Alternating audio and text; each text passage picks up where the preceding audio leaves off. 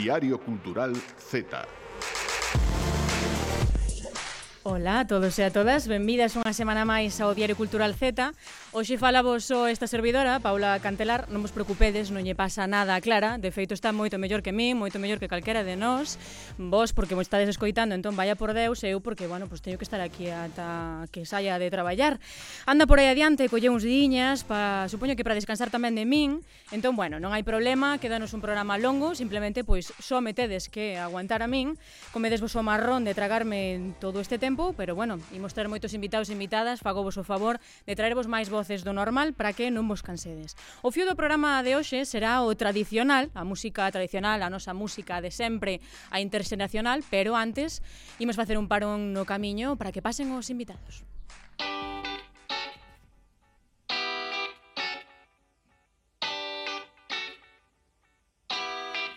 Oh, oh.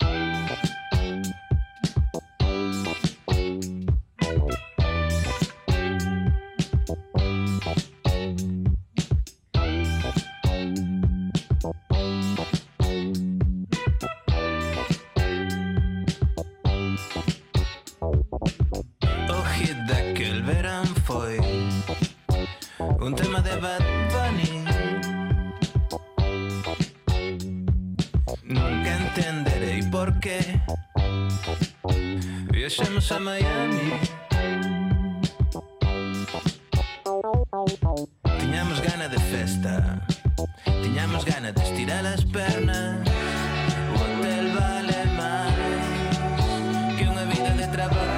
antes de nada, comentarvos que nos podedes escoitar, como sempre, todas as fins de semana, de dúas e media a tres en emisión na Radio Galega, menos cando hai fútbol, que aí, pois, pues, perdón, pero nos non estaremos. En radiogalegapodcast.gal, en Spotify, iBooks, Apple Podcast, bueno, xa sabedes, en todos lados, e sempre que queirades se nos queredes ver as caras, tamén o estudo tan fermoso no que estamos, pois no YouTube na Televisión de Galicia. Ben, como vos dicía ao comezo, o programa de hoxe vai do tradicional, imos falar coa xentiña, en primeiro lugar, que organiza a foliada da Fonsagrada. Teño a miña dereita para quen nos este escoitando e non vendo a, preséntate. Adrián. Adrián, teño a miña esquerda a Laura e Ángel.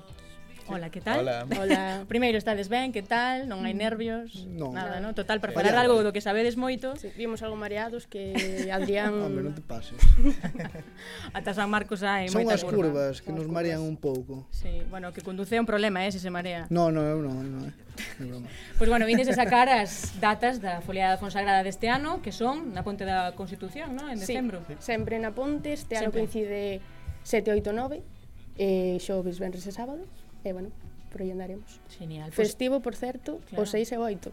Mm, e bueno, o sete pois faise ponte. Teño a sensación, non sei se a vos vos pasa, de que non non se sabe moito que é este concepto. Eu mesma, sen ir máis lonxe, unha amiga díxome fai unhas semanas que fora, bueno, unhas semanas, fai uns meses a veces perdo a, a noción do tempo, que foron a foliada e dixen, ah, aí xuntadesvos a tocar instrumentos tradicionais ou que é realmente o que se fai na foliada. Entón eu creo que hai moito máis alá, aquí xa vos veñen a risa, supoño que haberá tamén cousas que non se poidan contar, pero pois a min gustaríame que comezásemos un pouquiño por aí. Que é unha foliada? Que se fai nunha foliada?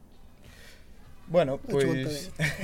que me conte Ángel. Sí, eh, eu creo que a, a foliada nace un pouco do concepto de, das polavilas, que é cando pois, toda a xente se xuntaba para ir eh, pois, pola, polas casas de, da vila, eh, pois, xuntábanse para cenar, para falar, e despois pois, sempre salían os, os instrumentos, e era un pouco, pois, eso, foliada, foliada libre, cada un tocaba pois, o que sabía, bailaban, E despois tamén pois, xa nas festas que se facían polos povos e así. Entonces, pois, sí, nace un pouco deso e agora foi ampliando un pouco o termo e si que é verdad que engloba máis cousas, engloba moitas actividades culturais, uh -huh. engloba obradoiros, aprender a facer instrumentos, tamén conexión pois ca contorna, ca zona, non so ser pois de zona de montaña, pois tamén nos influe moito eso, esa conexión co, co lugar do que do que somos. Mm, entón pode ir dende algo moi organizado ata pois que me xunte eu coas miñas colegas a tocar a gaita e a pandereta. Exactamente. De feito, mm. eu creo que esas son as mellores. Sí? As que son de imprevisto.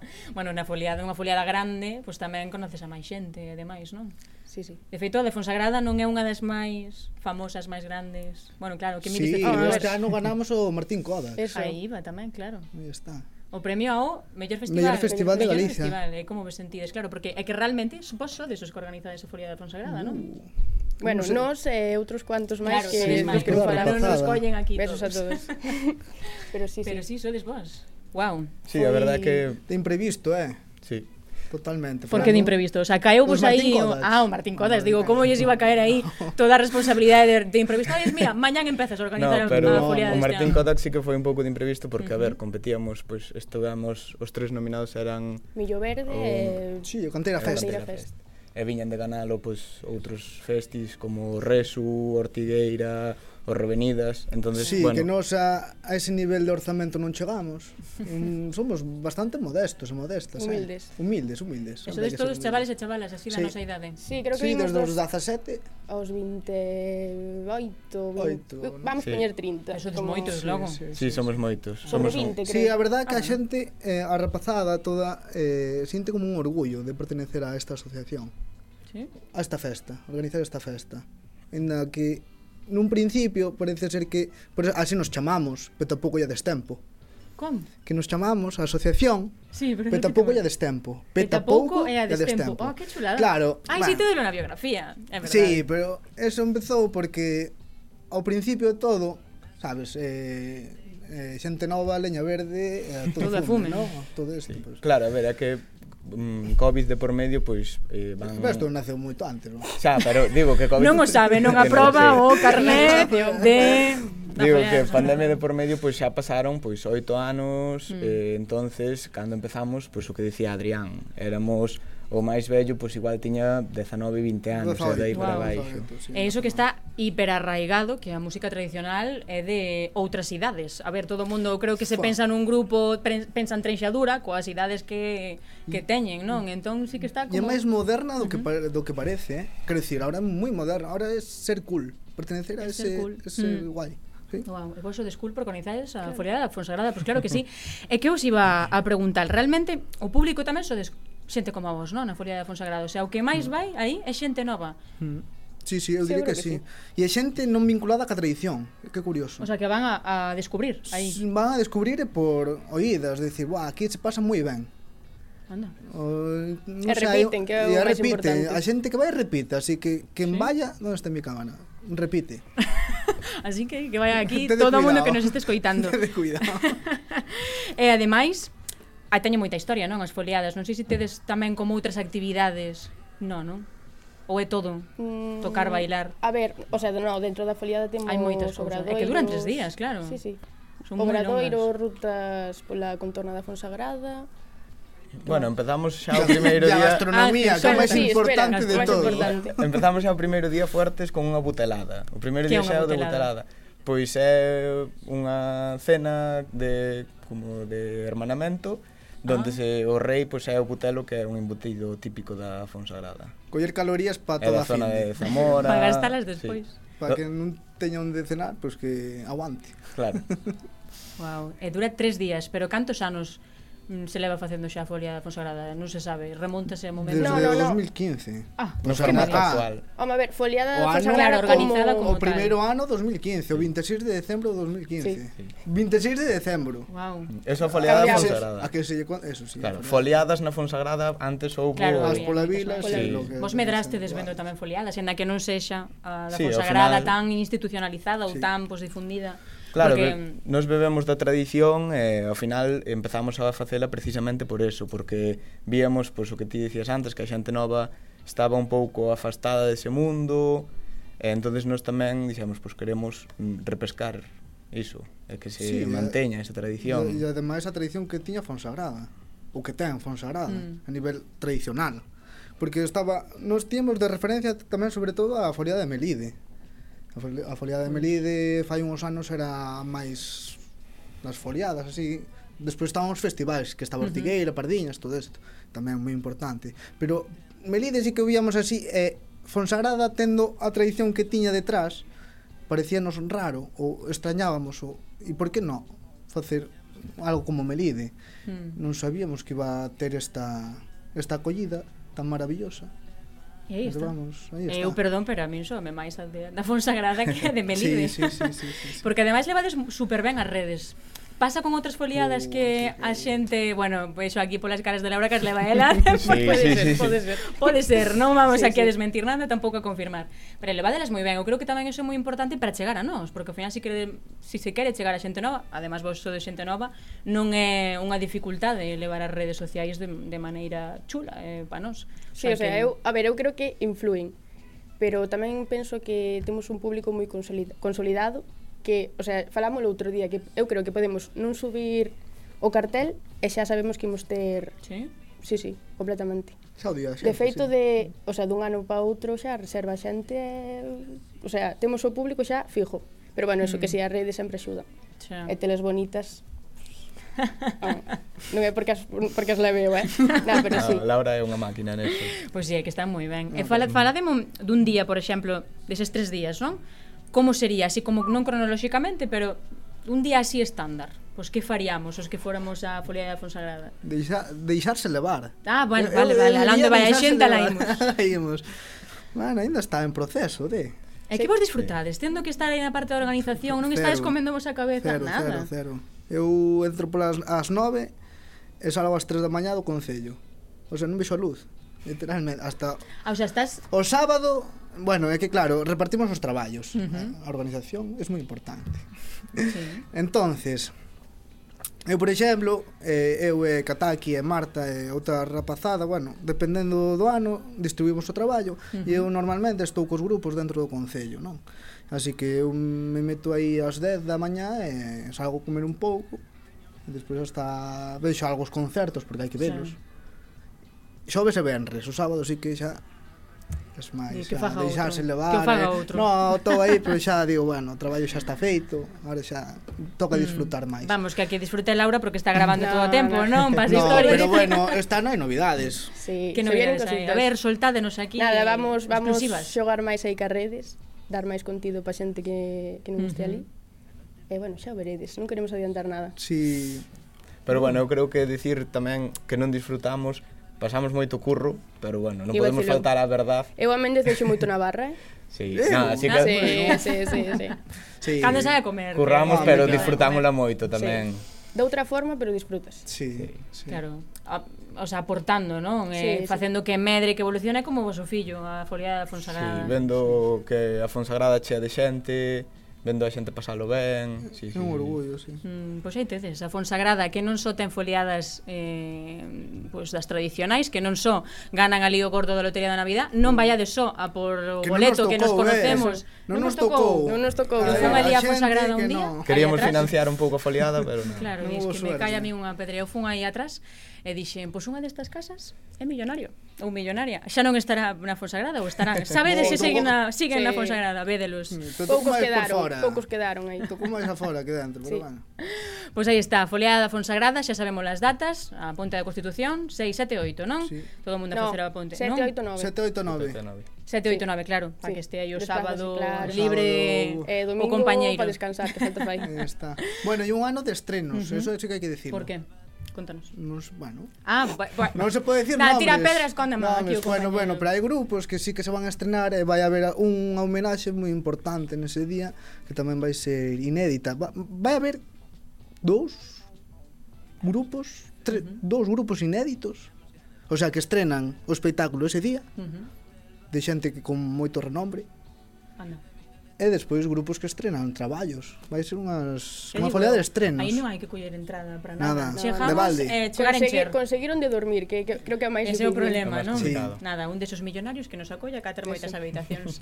pois moitísimas grazas aos compañeros da foliada, a compañera Laura, Adrián e Ángel, que os vexades ali, que vaiades a Folia da Fonsagrada a pasalo moi ben, que hai moitos estreos que se esperan, eh, que, o, que ocurra moito estes rapaces e rapazas para que haxa unha festa como Deus manda, como ten que ser, eh, e que vaiades por ali, e que non teño nada máis que decir. Ida a Folia da Fonsagrada, moitas tú, gracias. Tú irás, verdad? Eu se traballo, non vou. No, pido día. No, pido día, pido día. Ti que te, clara, ti quedas aquí. Pido día, claro. No, no, que tú vas para ali, claro, que. Claro. claro. claro. Clara, Clara. Verdad, claro. ao revés, xa que... Fallo revés, Digo eu, días, Clara, días, apunta aí. Devolve, devolve. Pois pues moitas grazas, rapaces. Gracias a ti. No, a ti, moitas gracias. Cumbia.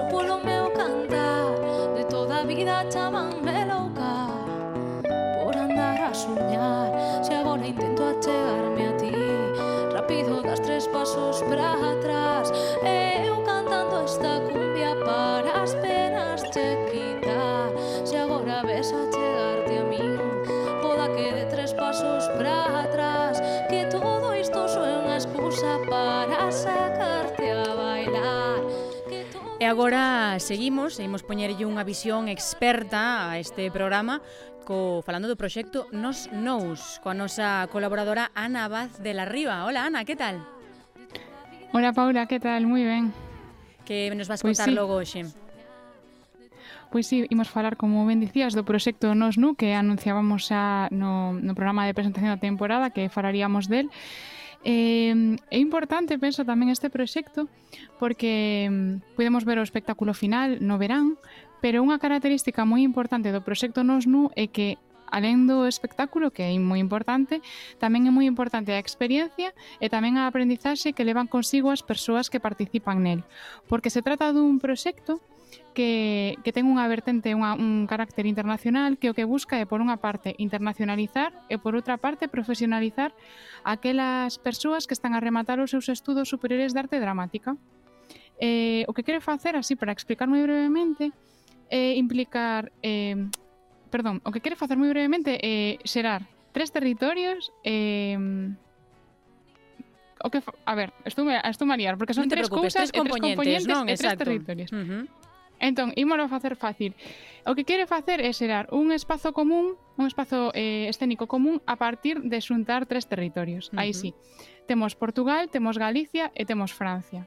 E ten tres componentes, tamén para aclararnos que por unha parte o alumnado, que está a rematar os seus estudos superiores de arte dramática, por outra parte temos profesionais xa con, cun, cunha trayectoria ben consolidada, e por outra parte, pois temos teatros públicos. Entón, con todas estas patas, estes pés, que parece así complexo, a verdade é que, que sartella todo moi ben, e, e imos afondar un poquinho máis no, no que é o proxecto. Galicia participa nel a, a través da Escola Superior de Arte Dramática, a esa de Galicia, e, e o Centro Dramático Galego. Este ano o que fixeron foi poñer en, en escena Ifixenia, a partir do texto do dramaturgo portugués Tiago Rodríguez, que é un texto moi potente, que nos fai cuestionar a memoria, e que foi posto en escena baixo a dirección da directora argentina ficada en Francia, Claudia Stavisky, a directora do Teatro de Celestin en Lyon. Eh, con eses dos profesionais ben consolidados, puxeron a traballar a un grupo de alumnas e de alumnos dos tres territorios. Da esa de Galicia foron Bañera, Iria Boal Díaz, que estaba a rematar os seus estudos de dramaturxia, uh -huh. eh, que desenvolveu ali as tarefas de, de dramaturxia, Daniel Rodríguez Iglesias, de escenografía, que fixo labores de, de iluminación, e despois eh, Laura García Recarei e Lúa Pagán, Lúa Rodríguez Pagán, de interpretación que formaron parte do elenco da peza. Entón, para entender así un poquinho mellor como se artella todo isto, pois quixen falar con Laura e con Lúa que aceptaron compartir connosco como foron as súas experiencias. Entón, Laura, explícanos como foron eses dous meses de montaxe e ensaios alá en Lyon cos que arrancou todo. Imos ver.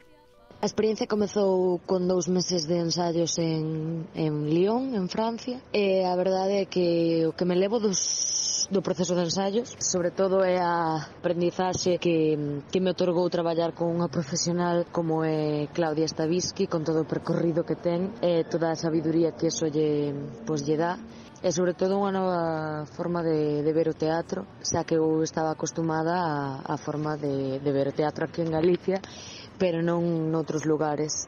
Traballamos moitísimo dende dende a organicidade e sí que o que o máis fructífero para min foi como un texto tan clásico como un mito se pode levar a, a unha linguaxe máis contemporánea que nos fai e identificarnos en maior medida con ese texto que estamos a ler.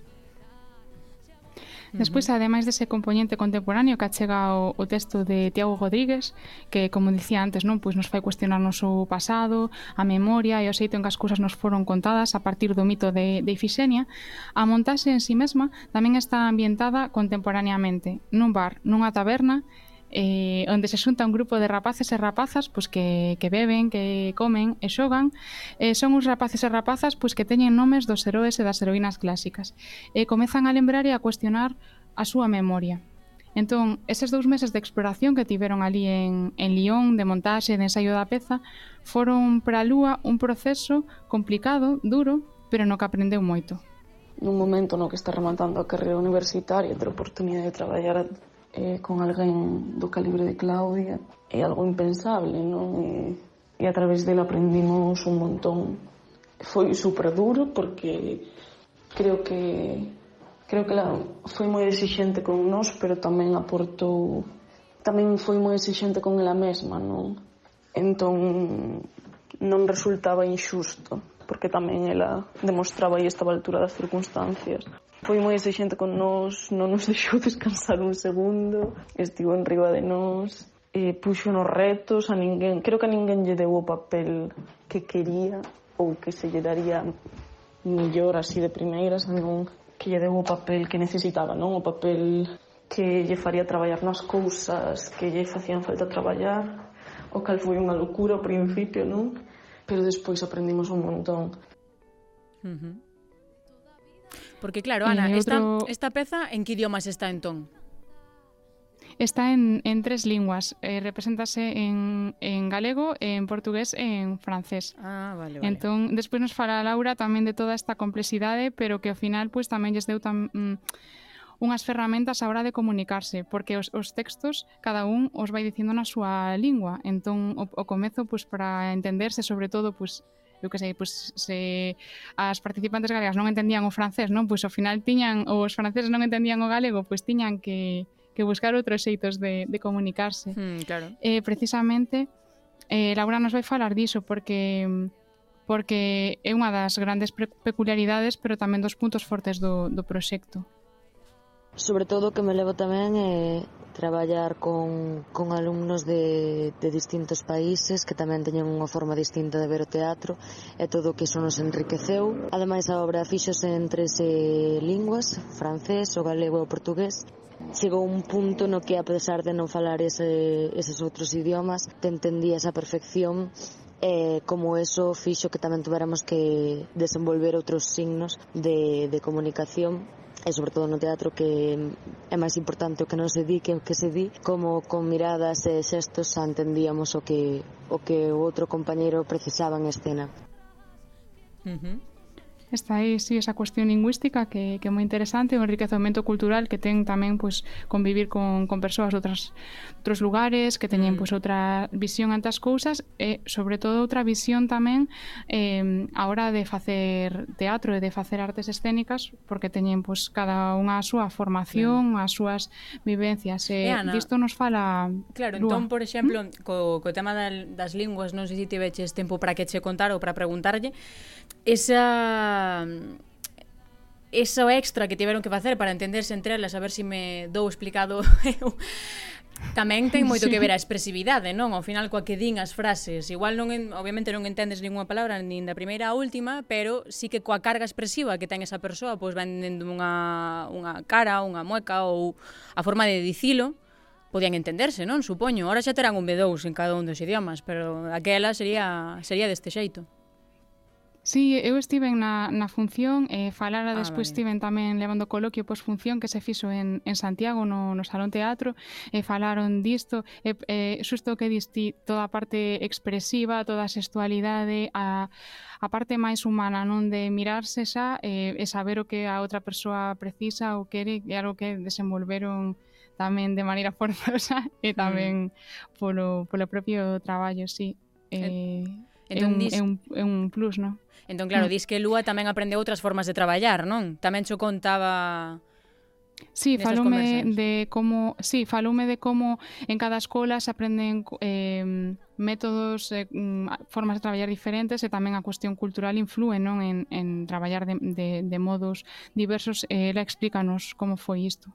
E despois xa o feito de ter uns compañeiros que foron increíbles, tivemos moitísima sorte, pero Creo que cando estás estudando na escola aprendes un estilo de interpretación, non? Como que cada escola, ainda que ensine diversas técnicas e haxa diferentes profesores, cada escola vai como creando o seu propio estilo de ensinanza e unha maneira de traballar concreta. Eso está, por unha parte está moi ben, pero por outra parte moi perigoso porque porque chegas a cuarto e estás super cómodo traballando coa xente coa que te formaches, porque falades a mesma linguaxe creativa, pero no momento no que saias da universidade iso non vai ser así, non? Entón poder ter esta experiencia de proxecto nos, estar con xente de diferentes escolas que traballaban de maneiras totalmente diferentes a nosas, estilos totalmente diferentes. Foi un choque cultural moi grande ao principio, as primeiras semanas estábamos totalmente desubicados, pero foi para min, creo que a min deume unha versatilidade no traballo, non un deunos unha versatilidade, unha capacidade de adaptación e de cambio que creo que é a verdadeira profesionalización que te do proxecto nos, non?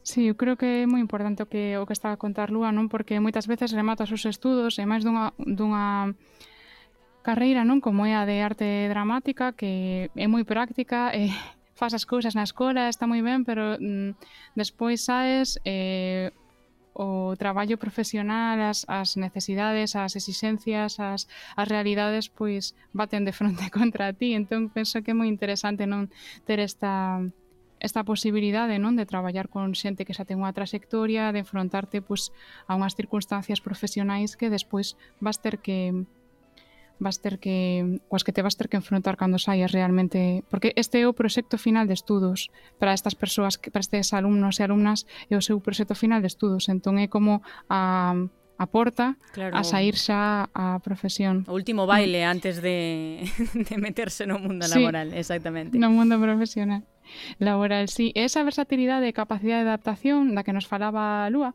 ven reforzada tamén en canto a que o proxecto inclúe tamén unha xira, que é o que falábamos, non, non se ve eso nun sitio, unha única función e xa está.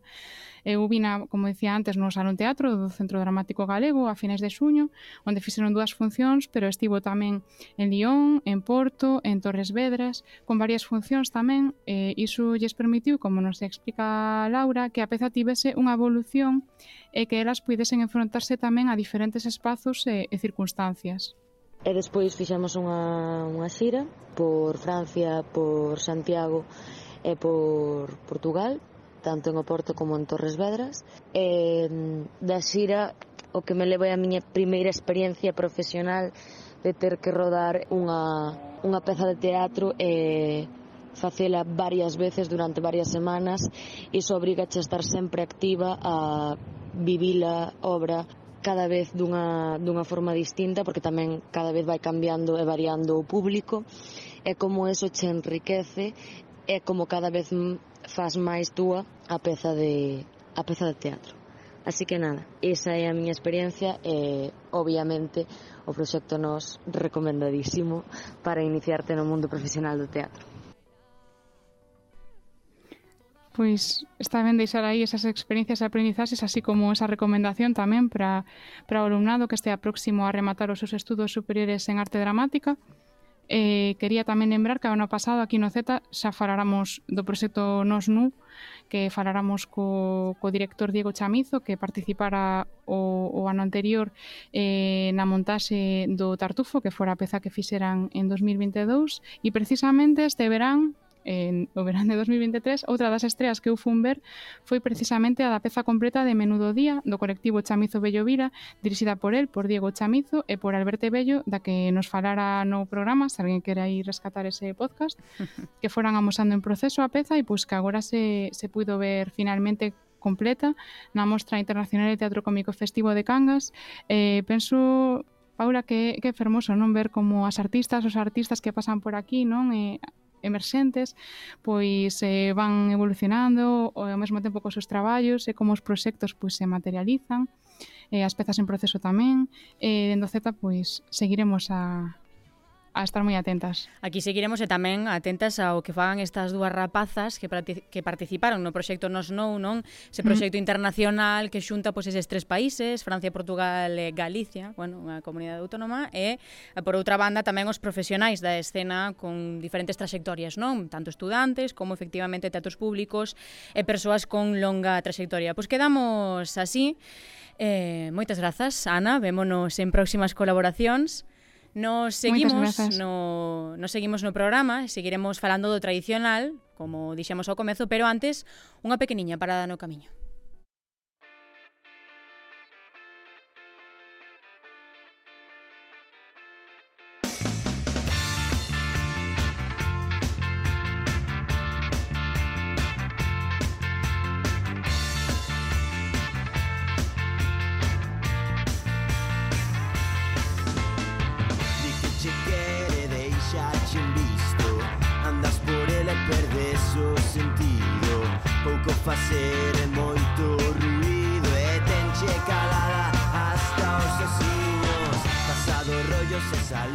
Se tivera que decirvos unha canción do coche de meu irmán, do meu coche, cando vamos á praia, cando vamos xuntos a calquera lado, 100% que sería Andas por el de Derrapantes. Continuamos no programa, no Diario Cultural Z, continuo máis ben, xa sabedes que hoxe estou soa, chiváronme por aí por onde pode andar clara, pero bueno, non vou a dar aquí ninguna fake news, que estamos na, na radio televisión pública e temos que dar exemplo. Sigo soiña, como vos decía, pero tamén vos dixen que me encarguei de estar moi ben acompañada, creo que trouxen a máis de 10 invitados e invitadas, pero non vos preocupedes, eh, hoxe imos falar, como decíamos, do tradicional, E cando falamos de tradicional, nestes momentos e últimamente é indispensable falar de Rebelico.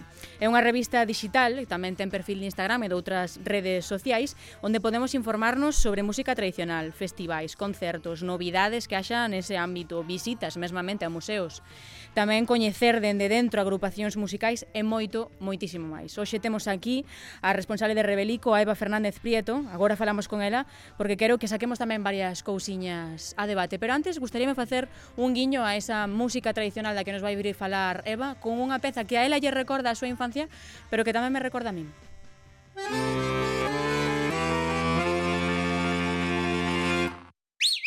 Música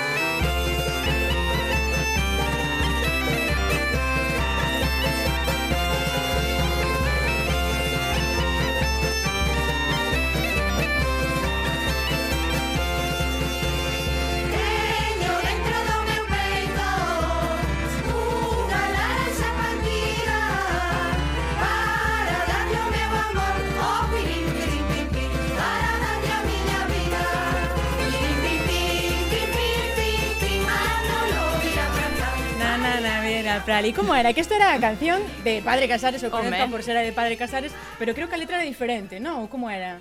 Non tiña que ver co de con Santo Antonio de Sí, Lourido? sí, creo que cam- modificaron algunhas partes para, para o programa. Que era Don Crisanto di que non, Don Horacio di que sí. Efectivamente. Que maravilla de serie. Que maravilla, entre pratos, mm. comidas e Padre Casares eu non pasei páxina nunca. Que tal, Eva Fernández Prieto, a que está detrás de Rebelico, que tan detrás non estás que te vemos nos reels, en todas as publicacións, deches a cara. Deches a cara. Efectivamente, empecé a mostrar un pouco a cara que ao principio non se me vía. Tiña reticencia por mostrarte, dabache vergonza? Sí, ao principio, non sei, non quería que o proxecto como que se focara moito en min, que quería dar importancia pois aos temas que trataba, pero despois dixen, bueno, pode ser unha ferramenta a mosarme a min e explicar eu as cousas pois para que para que a xente tamén entenda ben. E para que sexa tamén máis cercano, non? Porque mm, ver que hai claro. unha persona e ver a, verlle a cara e que che transmita a información non é o mesmo que mm. ler, que además somos un pouco vagos e non leemos todo o que hai no post. Sí, sí. E nace dun tefega, non? Reverico, mm. contanos a historia. Efectivamente, pois xa estaba pensando esta mañá, estaba falando coas miñas amigas de que hai xusto un ano cando estaba mandando o, o documento inicial do TFG ao meu tutor, pois estaba comezando o rebelico, pois literalmente foi un día que puxeme co dicionario da RAC a buscar un nome que relacionado co tradicional que me pudera gustar para a revista e eso foi un ano e a partir de aí, desde o mes de febreiro, estamos publicando nas, nas redes sociais e, e aí está. Pero eres ti só, sí, Federico. sí. Non tens ninguna axuda, de verdade, ninguna. Ninguén che agarra o móvil cando no, non sí, sí, móvil, sí, cando sí. Grabas. As miñas, as miñas amigas, os meus pais, eh, todo o mundo sempre me axuda e me dá moita mm, e me e colaboran comigo en todo o que sexa necesario, de verdade xa lles digo sempre mil veces que estou super agradecida con todas elas e con toda a xente que, que lle deu unha acollida tremendamente bo proxecto que eu nunca esperaría algo así. Mm, e que significa rebelico entón, a palabra en sí mesma? Pois rebelico ten varios significados. O primeiro pode ser como un detalle, así como un adorno, por exemplo, un talle na, na pel, por exemplo, ah. nas zocas. Ou despois tamén pode ser é un sinónimo de gubia, que é unha ferramenta que se utiliza para tallar a madeira. Ah. entonces e, gustoume o esa palabra porque tiña así varios significados e no fondo significa tamén como un detalle, algo que está feito con mimo. E, mm. e eu considero que tamén que fago con moito cariño este este proxecto e considero bastante adecuado. E, e así tamén original. E que significa para ti, xa deixando de lado un pouco pois a nomenclatura, que significa para ti rebelico? Porque ahora que penso que xa non é un TFG e quedou aí, claro. no, no, no, ahora ahora sigue adiante e e a donde a donde me leve isto non sei, é algo converteuse en pouco tempo como nunha parte moi importante da miña vida na que invirto moitísimo tempo e que mm. deume e deume e dame moitísima satisfacción E, e traballo, sei, dío, sí. que está como no, fillo, si, hai que parilo. Traballo bastante, literalmente. Eu sempre digo como é o meu bebé. A veces pode incluso chorar, eh? Oye, no, sí, sí. aténdeme aquí, sube algo. Sí. Eh, xa pensabas expandilo no tempo ou realmente dicías nada, estocando presente o TFG ala por xuño, aquí se queda, aquí quedou, foi unha etapa e así como pecho a universidade, que penso que non a pechas, pero bueno, así como pecho polo menos xornalismo, pois aquí queda tamén Rebelico ou non, xa decías, non, isto vai ser para lar, para longo e para onde me leve. Sí, sí, sí, xa dende un principio pensaba seguir máis adiante do TFK, que o TFK fora como o principio, como para mm, facer as bases do proxecto e que a partir de aí pois que seguir adiante, nunca nunca lle puxen fin un tempo limitado. Así me gusta. É mm. que estas cousas saen así. Sí. É como, aquí sempre ven alguén que, no, foi por casualidade. Foi toda por casualidade. Facebook nace por casualidade, aquí unha conta que triunfa nace por casualidade. O teu foi un pouco premeditado, premeditado mm. pero mira, aquí estás.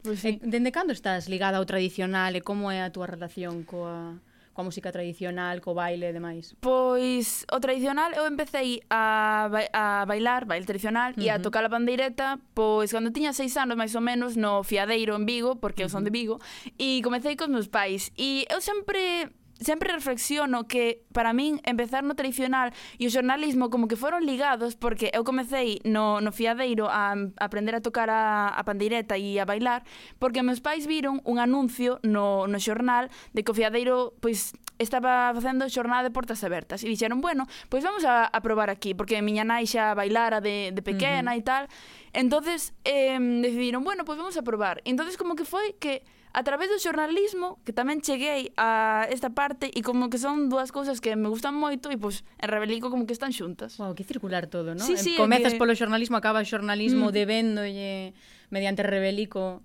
mediante este sí. detalle, porque mm. ao final, mira o que comentas, é como un regalo cara caro que che fixo comezar. Pues sí. Que bonito, que bonito. Mm. Eh, que divulgas realmente? Porque claro, aquí a xente dirá, pois pues é unha conta na que suben ou resuben, no, o contido mm. de outras pois dunha asociación ou da foliada Fonsagrada, non? Que suben as datas, pois resúbelo, no, ti fas xornalismo. Aí está a diferencia. Non difunde simplemente, non é unha canle de difusión Rebelico para quen o queira seguir. No, Rebelico crea contido. Que contido crea Rebelico entón?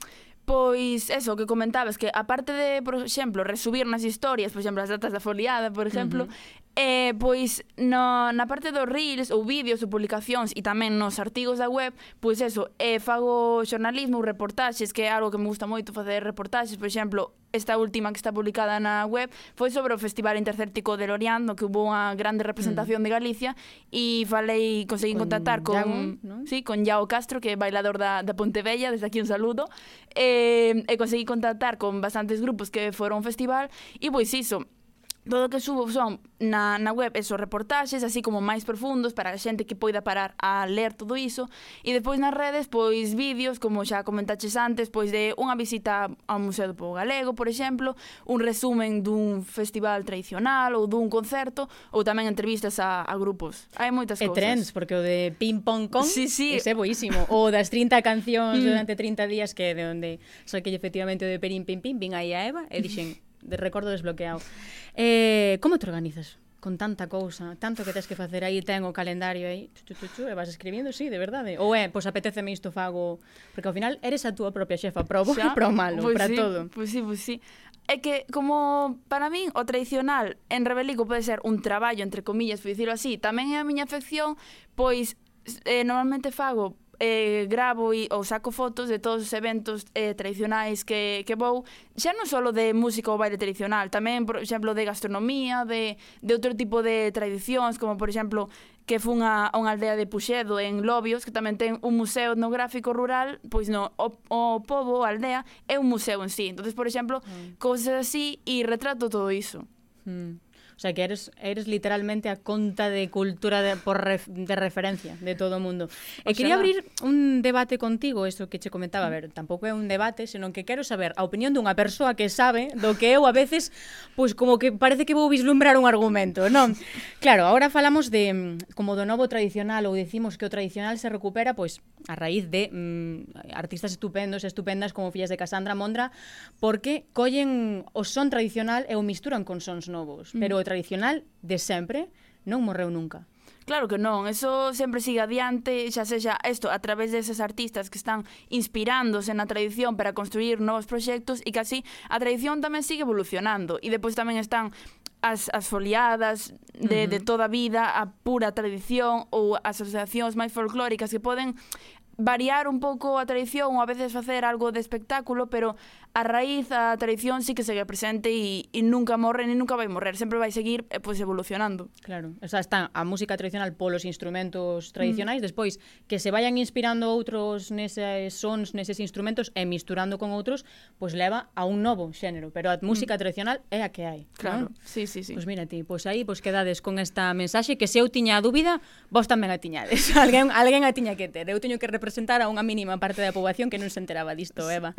pois moitísimo moitísimas grazas que Rebelico siga medrando. Gracias. Eh, chamamos aquí, facemos un chamamento a que todo o mundo pase agora mesmo. Xa, a saídes de aquí, borrades isto e ides a, a seguir a Rebelico, que se chama Rebelico, tal Eso. cual en Instagram. Rebelico Revista en uh -huh. Instagram, TikTok e Facebook. E na páxina web, se si lle queren botar unha ollada a todo o que está aí publicado, tamén benvido sexa. Pois pues mira, de aí te dei la promoción. E eh, mira, súbeme aí, German, súbeme aí o Perín Pim Pim, e marchamos con Perín Pim Pim e despedimos a Eva.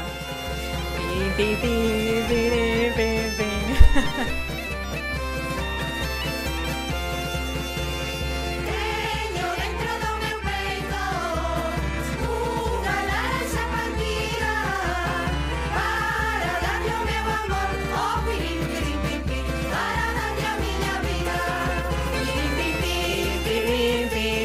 Qué maravilla, qué maravilla de canción, qué maravilla de series, qué maravilla de producións audiovisuais desta casa. En especial, pues Pratos Combinados e eh, Padre Casares, como vos dicía.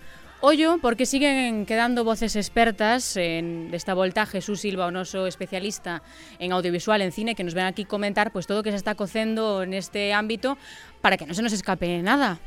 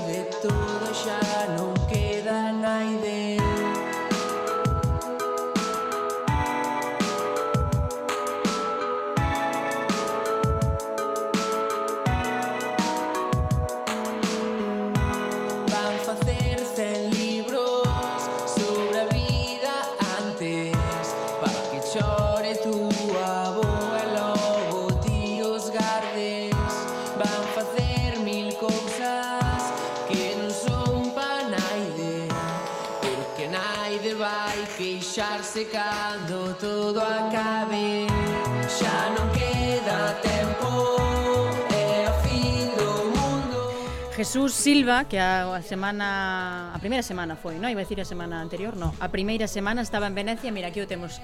Que cambio, eh? A mellor, eh? Porque vamos, vir de Venecia ao estudo multimedia da CRTU Vega e son cambio a mellor. Por suposto, eu encantado de estar de volta, encantado de estar xa por fin aquí no estudio eh, con vos. Encima hoxe veño moi ben acompañado tamén, xa como vexo. decías, como como sabía que estaba soa, pois pues, digo, vamos a imos encher a mesa hoxe tamén.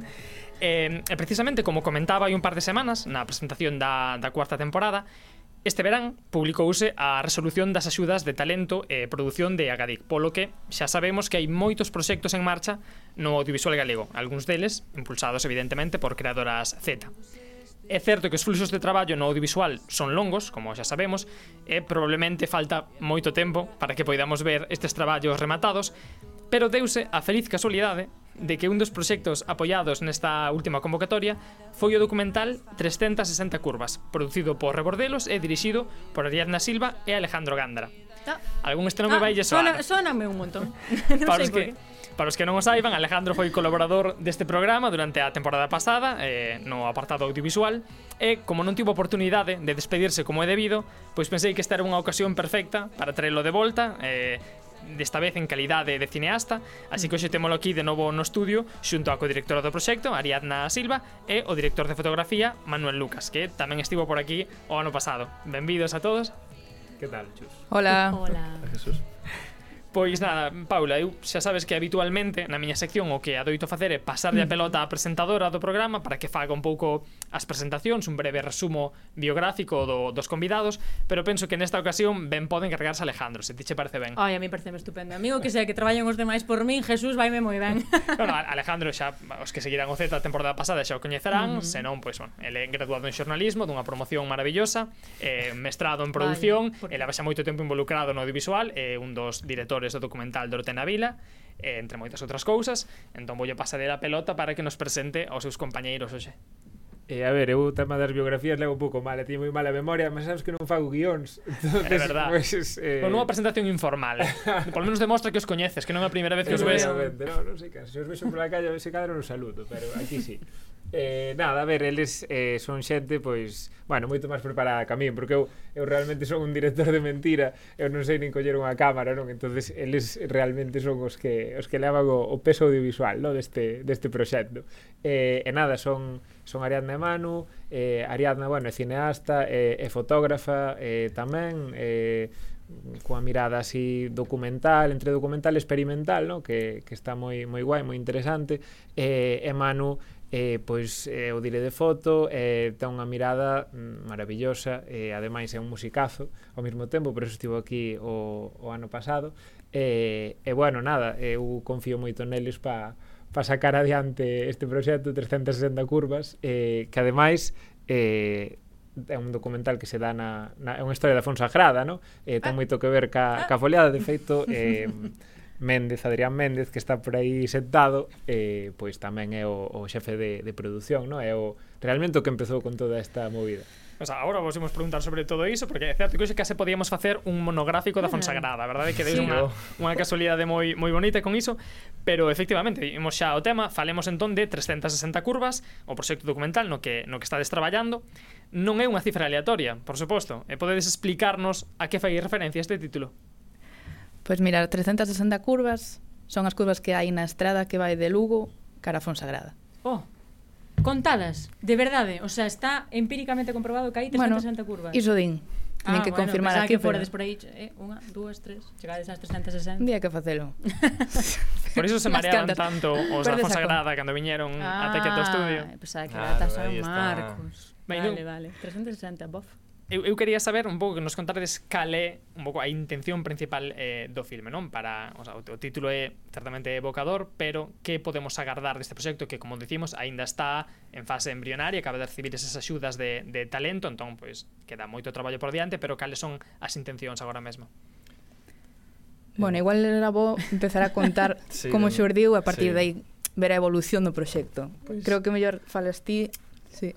Claro, o tema foi que pues, Adri eh, Adrián Méndez, que estaba antes aquí, que nos enseñou un, enseñou a min un arquivo eh, dunhas movidas, que eles chaman ya ali as movidas, que pasaron no ano 91 e 92, Uh -huh. E eh, eso foi como un pouco detonante de poñer o foco na Fonsagrada porque claro, eh, houve un pecha ali bueno, pasaron cousas eh, dentro do Concello mm, moi importantes para, e para toda a comarca de Lida Fonsagrada entón, eh, as movilizacións que tiveron e a forza con que fixeron todo iso e que eso quedara registrado eh, pues, pues chamou moita atención eh, primeiro de min, e despois dos meus compañeros que se foron sumando ao proxecto e, e que pasa? que na Fonsagrada, como ben mencionaban antes hai unha riqueza tremenda, cultural e, e de todo tipo entón eh, tamén ver esa, a, o corte de despoboamento que houbo precisamente dende esa, dos 90 ata agora e, e ir un pouco ao foco dos problemas que puideron ser ese despogamento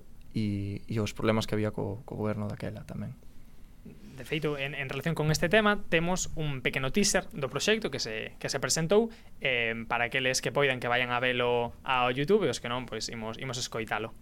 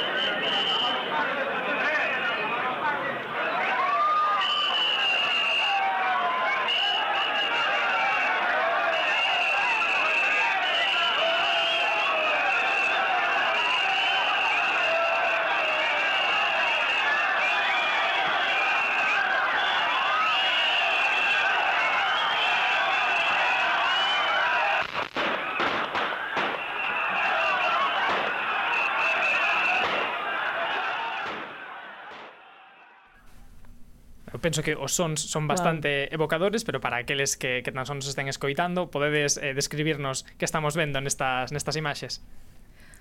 Pois, primeiro hai unhas imaxes da Fonsagrada día de hoxe, Uh -huh. eh, pasamos á, a liña do pasado, que sería pois esas movilizacións, non? Esas, ese arquivo que, que, que hai, non? E que estamos empregando como material eh, non só histórico, senón tamén conceptual, e, bueno, que foi o que nos permitiu ampliar a historia das movidas ao que vai ser 360 curvas, non? Que a curva neste caso pois convertese nunha metáfora, nunha polisemia de moitas outras cousas, non? Que nos vai a permitir falar pois da liña do pasado, do presente e posiblemente do futuro, non? Quizais dun, dun punto de vista máis especulativo, pero bueno, sí que é verdade que hai indicios que nos permiten facer valoracións ou, bueno, iso vai depender tamén un pouco das personaxes e, e de como respire a rodaxe. Podemos saber máis ou menos de cantas horas de arquivo estamos falando, das que pediches atopar ese, ese arquivo maravilloso que deu comezo ao proxecto, máis ou menos... Eu creo que cinco horas ou unha cousa así. Cinco eh? horas. Sí. E aí entendo que iso, no? seguir establecer ese, ese diálogo entre as imaxes do pasado e o presente, non? un pouco reflexionar tamén sobre bueno, a situación da, da Fron Sagrada na actualidade, non sei como vedes a realidade actual, cal foi un pouco tamén a disposición da, da veciñanza de cara a, a volver falar deste tema, deste, destas movidas. Claro. Eh, o, o tema do arquivo que falabas antes foi gracias tamén a un, un fotógrafo que se chama Fernández, que é un fotógrafo dali, que estuvo que foi o que nos, nos axudou tamén e recuperou, volveu outra vez ao arquivo a recuperar iso. E despois, cando falamos ca xente, pois un pouco de reticencia tamén ao principio, pero bueno, ao final é algo co que um, creo que se pode saca, eh, sacar peito porque um, pese a que, bueno, conseguiron algunhas cousas, outras non, eh, mantivo o povo bastante bastante unido. O sea, falam, falo de unha maioría moi amplia de xente que, que simpatizaba co, co tema, e, e a maiores que era poñer de, de relevo esa, esa problemática que claro, daquela, o sea, son 30 anos e hoxe pois son parecidos os problemas que hai tamén. Pois decir que case un, un, unha situación case pioneira, no? Do que agora, bueno, vense chamando como a España vaciada, no? Todos, todos estes, bueno, traballos e, e, e novas que, que recibimos a diario, no? Sobre, des, sobre despoboamento no, no rural, en que este podría ser un exemplo paradigmático, ademais de, bueno, de loita veciñal para intentar frear isto. Uh -huh. Eu quería saber un pouco a nivel, un pouco xa máis a nivel de, de formato, tanto Ariadna como, como Maro, como dire de foto, ca, que podemos agardar, digamos, o documental nese sentido, non? Sabemos que eh, agardamos ver moitas desas imaxes eh, rodadas hai 30 anos, pero con que agardades eh, combinar o que esperas a nivel de, de estilo presentar neste documental, cal é un pouco a idea? Pois o, o título vai un pouco por aí, non? De feito, eh, cando eh, Manu e Alex me presentaron o proxecto, non? Xa fai algo máis dun ano. Eles xa levaban tempo traballando no proxecto, eh, sobre todo na parte de arquivo, non, do documental, e, bueno, foi cando eu vin as imaxes estas e quedei prendada, basicamente, non? Dicir, aquí hai unha historia que hai que, que, hai que contala. E, e, bueno, o proxecto nese momento pois eh, estaba como moi cinguido ao que eran as movidas, non? O, a parte máis histórica, quizáis máis eh, documental propiamente pero, pero bueno, dándolle voltas ao longo destes meses, non tamén traballando de cara a presentación para, para talento da Agadic, pois eh, eh, bueno, valoramos que había que ampliar, non? Quizáis que se, se sobre todo polo título da, da película, que antes se titulaba As movidas, eh, non nos permitía digamos falar de outros asuntos, entón pois eh, a nivel conceptual pensamos que, que habería que pensar noutra cousa. E, e bueno, foi aí cando xurdeu a, a idea das 360 curvas que, que aparecía nun dosier anterior e, e bueno, foi cando, cando vin esa cifra pareceme como moi eh, moi paradigmático, moi sintomática tamén do que, do que significa a distancia, non? E, mm. eh, a moitos niveis, tamén a curva como unha representación na paisaxe, na montaña, non? a curva pensando tamén como a curva de, da poboación, non? Unha curva que, que cada vez é máis descendente. E, e despois eh, tamén pensando a curva como, como conflicto en alusión a as curvas, digamos, gráficas dos, dos terremotos, non? De, de alusión do, do ter, dun terremoto, dunha representación visual, e eh, ao mesmo tempo, pois, eh, facela análoga a que eran as movidas, non? Como a montaña móvese, a xente móvese. E despois está a curva como futuro de isto tamén en relación cunha das imaxes que aparece no arquivo, non? De cando eh, moita xente dali foi a, a unha das curvas da Fonsagrada, unha que está xusto na entrada, eh, con, con paus, eh, bueno, a, a abrila, basicamente. É como un xesto superpoético, non? De, de abrir esa curva tamén deixar paso un futuro. E, eh, e bueno, con todos estes recursos armamos así a, a parte conceptual, non? Eso a nivel guión é o que se vai a ver e a nivel, pois, fotografía penso que tamén, pero eso xa é máis cousa de que lle toca explicar aquí a mano. Pero... Sí, bueno, a, a, a Fonsagrada eu xa coñecía dende hai tempo, eh, pois gracias a esta xente da, da asociación precisamente, e pois a, a min a primeira vez que fun tamén me marearon esas curvas. O que pasa que ao mellor eh, un interese como velas desde arriba ou ver hacia onde poden levar pois a min tamén me resulta moi atractivo e despois a paisaxe que hai lá increíble. E unha cousa moi importante tamén que notei cando fun alá é o, o da xente que que é xente cando estás entrevistando que unha pasada de, de intelixente e das voltas que, que lles deu as cousas antes de contarchas e, e ainda así falan con muitísima calma explícanche todo, aínda que vais á aldea máis perdida da, do Concello, que é un Concello moi grande mm. eh, os xestos que teñen encantan. O sea, realmente estou in love ca Fonsagrada. E que é o que vos queda agora? Montaxe, seguir coa rodaxe ou que queda? Pois estamos en fase de preprodución ainda. Ah, de preprodución. Sí, vale, sí. como falabas de, claro, de entrevistas e demais, pensei que xa era unha parte dentro das grabacións e demais. Vale, vale, claro. O sea, primeiro hai que preparar todo. Claro, fomos ali a... Uh -huh. Sí, a, a gravar o teaser, claro. bueno, bien, sí. facer claro. fotos, localizar algo, pero Justo. ahora queda o traballo queda moito o traballo, máis largo Falta así. todo, vai. Sí, aquí nunca nos cansamos de explicar nesta sección que, que o traballo no audiovisual require moito esforzo, moita paciencia, moito compromiso leva moito levantar ese tipo de proxectos non pensemos que unha axuda arranxanada require moitísimo traballo, un equipo dedicado como este, entón, pois pues nada, sabemos que, que falta tempo para que podamos velo, pero con moitas ganas, penso, verdad, Paula? De, sí, dende de, logo que sí, así que poder... cando estren, que pasen por aquí outra vez, a verse seguimos nós aquí, Clara e eu, podemos facervos vos a entrevista. Igual xa ten que ser noutra temporada, non o sei. Pero sí, de, de veras que é un mundo difícil, sabémolo, pero valoramos moitísimo os produtos audiovisuais, a, a xente da nosa xeración, eu penso que valoramos moito estes produtos, sabemos o, o que levan detrás, así que moitísimas grazas, de verdade que esperamos, eu espero eh, ansiosamente poder velo, poder disfrutalo, e poder vervos e eh, acadar outros moitos logros con outros moitos proxectos. Moitas grazas a todos. Grazas a vos. Grazas a vos. E no, nós, pois, acabamos aquí o programa de hoxe. Oh, que pena. Non vos preocupedes, xa sabedes, en todas as plataformas. Podedes poñernos en repeat tamén, non? Levamos tres programas enteiros, xa sabedes, en difusión en radio son máis, porque van divididos, pero podedes acompañarnos en toda a tempada co que queda. Espero que con Clara, isto xa sabedes que foi excepcional, así que moitas grazas e hoxe marchamos con Fillas de Casandra.